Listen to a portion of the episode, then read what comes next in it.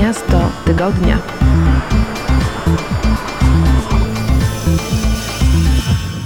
Witam Was bardzo serdecznie, nazywam się Błażej Grygiel. Dzisiaj zabieram Was na wycieczkę do Tokio, a właściwie nie ja, a moi rozmówcy, Robert i Anna, którzy do Japonii jeżdżą od 10 lat.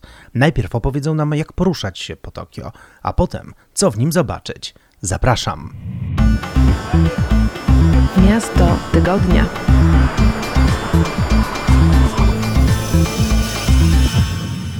Narita to jest to lotnisko, na które trafia się najczęściej. Generalnie większość lotów międzynarodowych ląduje na Naricie, która jest e, traktowana jako lotnisko międzynarodowe. Haneda, która jest wewnątrz Tokio w pewnym sensie, bo ona jest, w- ona jest w Zatoce Tokijskiej na jednej z wielu sztucznych wysp, które zostały tam stworzone. Jest lotniskiem przede wszystkim starszym i ono jest trochę traktowane jako domestic, ale e, linie lotnicze takie jak JAL, e, takie jak British Airways, dosyć często również tam lądują. I z tego co wiem, też częściej na Hanedzie lądują e, samoloty z Korei i Chin. W tym sensie domestic. To Bliski jest- region. Tak, Bliski bliski region. region. Mhm. Dolatujemy do jednego z tych e, dwóch portów lotniczych.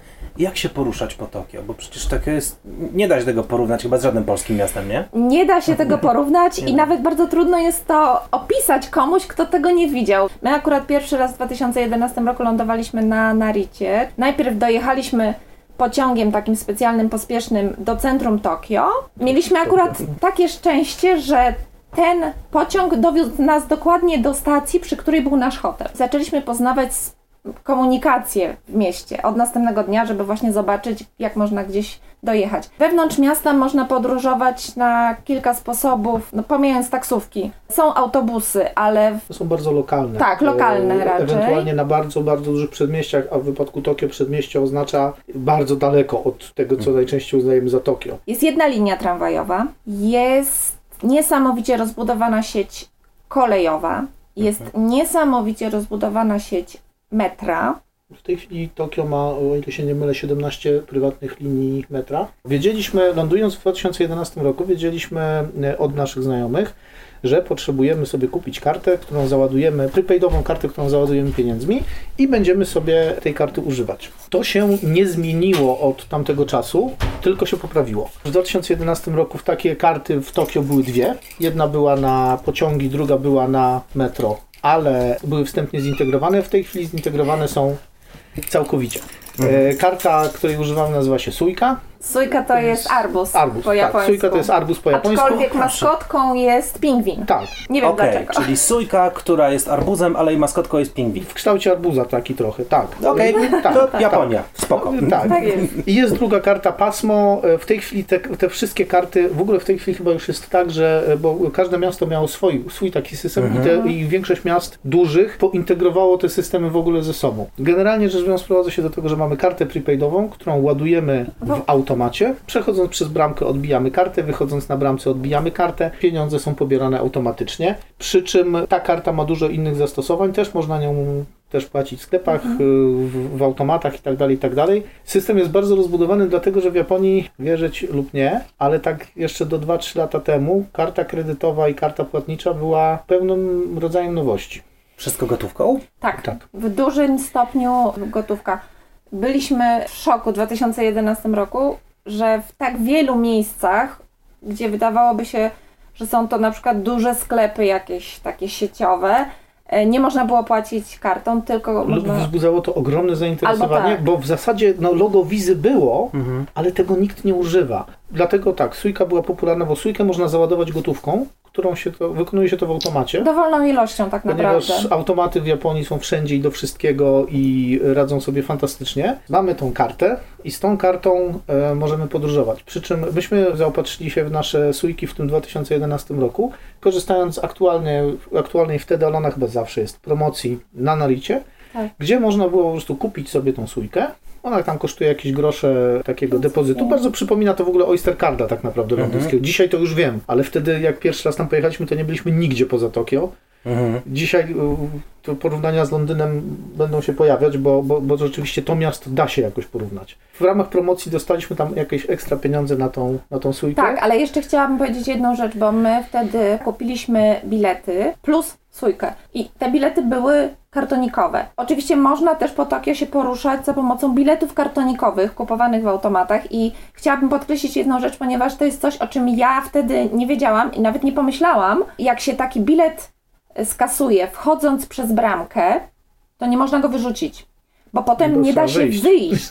Trzeba go mieć z drugiej strony na stacji, do której się dojedzie, żeby go znowu wsunąć w bramkę i wtedy często już on zostaje w tej bramce, bramka go nie odda, natomiast Ale wypuści, wypuści. nas. tak. Natomiast jeśli zrobimy tak jak w polskim autobusie czy, czy coś, że się po prostu pogniecie ten bilet czy, i, i, albo się go zgubi, no to jest problem, bo Żeby one wyglądają jak kartonikowe, ale tak naprawdę one są nośnikiem magnetycznym Tak. i tam są zapisane informacje i oczywiście w- na każdej stacji, prawie każdej stacji jest y, station attendant, czyli przemiły pan albo pani w mundurze, oczywiście kolejowym, w rękawiczkach i w ogóle, który mu jest bardzo wstyd, że nie mówi po angielsku, No ale właśnie. bardzo się stara. Czyli No to- ważna rada, nie wyrzucać biletu. tak, jak się ma masz bilet, to trzeba go trzymać do momentu, aż się opuści docelowy Może aż, dworzec. się, aż, się, aż do wyjścia. Mhm. Wchodzimy, kliknięcie, wychodzimy, kliknięcie, ściągana jest kwota, Przy okazji też możemy sprawdzić na wyjściu, e, ile mamy pieniędzy na karcie. Automat zawsze to E, wyświetla. Tak, Bo automat to wyświetla. Jeśli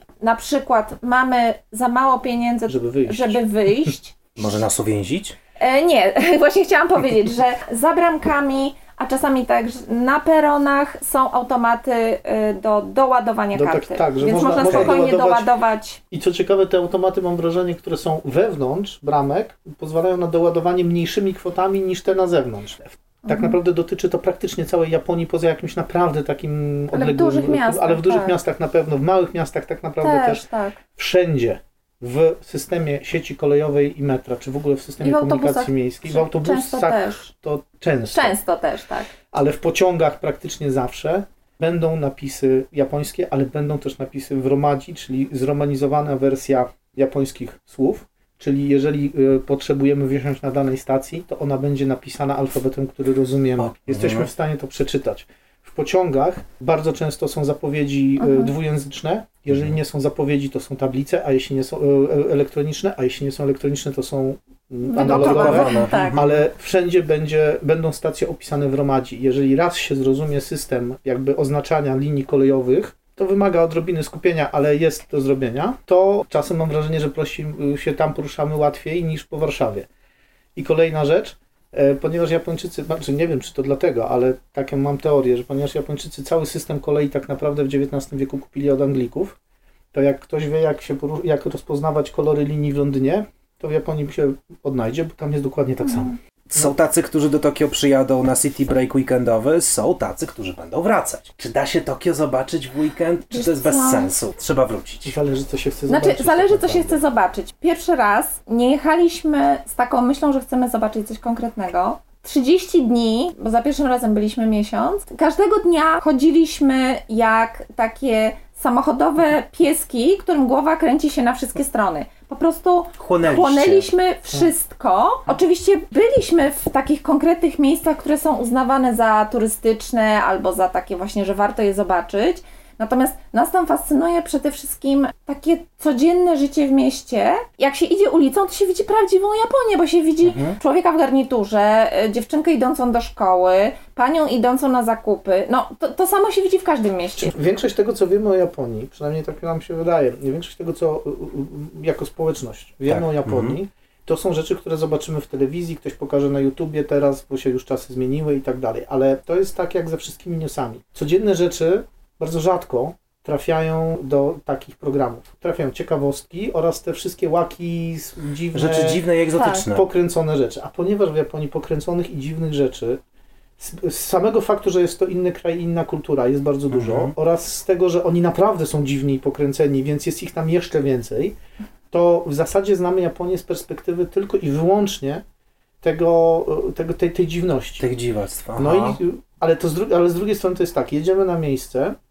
okazuje się, że tam mieszkają ludzie, którzy są no, mniej lub bardziej normalni. Pracują, jedzą, chodzą do Tak. szkoły i tak dalej. W dużym stopniu są podobni do nas, natomiast ta dziwność wychyla się na każdym kroku i te wszystkie e, naprawdę wacky things wy, wy, wy, wychylają się z zadowolonego krzaka. Jest ich multum nadal. Do naszej rozmowy o Tokio wrócimy po krótkiej przerwie. Zostańcie z nami. Miasto tygodnia.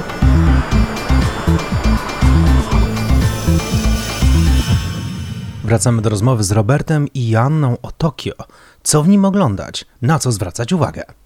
Chociażby idąc ulicą Tokio, możemy trafić na coś, co pamiętam kiedyś nas strasznie dziwiło na początku, bo to była na przykład kolejka przed knajpeczką małą w czasie lunchu. I nas to dziwiło, dlaczego ci ludzie stoją. Czekali na stolik. A oni czekali na stolik, ponieważ tam jest taka kultura, że w czasie lunchu się wyskakuje szybko coś zjeść i oni wiedzą, że oni poczekają chwilę, a tam ktoś szybko dostanie michę z makaronem, zje i wyjdzie i zwolni się miejsce. I to A są dobre knajpy mają kolejki. i to są tego typu dziwactwa, moim zdaniem, które właśnie nas zaskoczą, ale to nie będą tak bardzo takie zielone smoki. e, No tak, no. ale z drugiej strony e, idąc po ulicy e, jest coraz rzadziej, bo, bo kultura, e, jakby tam wygląd ulicy japońskiej e, też się zmienia w kierunku takiego ogólnozachodniego, amerykańskiego. Aha. E, Znów w 2011 było tego więcej, teraz jest trochę mniej, ale wciąż będzie tak, że wchodząc do zupełnie losowego sklepu możesz trafić na dziewczynę w pełnym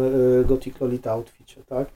I ona po prostu tam będzie i nikt nie będzie na nie, nawet zwracał uwagi na to, że ona jest ubrana inaczej, bo, no bo nie, bo tam się nie gapi na ludzi. Cały czas e, w użyciu są e, bardzo tradycyjne stroje japońskie, tak. męskie i damskie oraz modowe wariacje na ten temat. Nikt nie ma z tym problemu e, i ludzie noszą najróżniejsze ubrania. Wiesz, w weekend wychodząc na ulicę w Tokio w i, to, i to tak jak, nie wiem, na, na, na, na Ginzie, na, Mhm. na, w głównych, bo- w tych podstawowych centrach Tokio, wychodząc, w szczególności wychodząc w weekend na ulicę, na bank spotkasz e, kobiety w kimonach. Panie wyszły sobie, ma- mają spotkanie e, klubu herbacianek Albo są... i kebany. Tak. Młodzież na przykład w weekend może chodzić po ulicach ubrana w tradycyjne stroje do łucznictwa, bo akurat idą na trening do łuku i to, jest naprawdę normalne. jest, to jest jak w anime, po prostu ci ludzie naprawdę tak na po ulicy I oni się nie przebierają, znaczy być może część się przebiera na miejsce, jak gdzieś dojeżdża do sali ćwiczeń, ale część No jest nie. To tak, I jest to zupełnie normalne. jest to normalne, że Poza właśnie... troszkę to jest tak, że y, Japończyk po godzinach to jest zupełnie co innego niż Japończyk w pracy. Czy są jakieś takie punkty, do których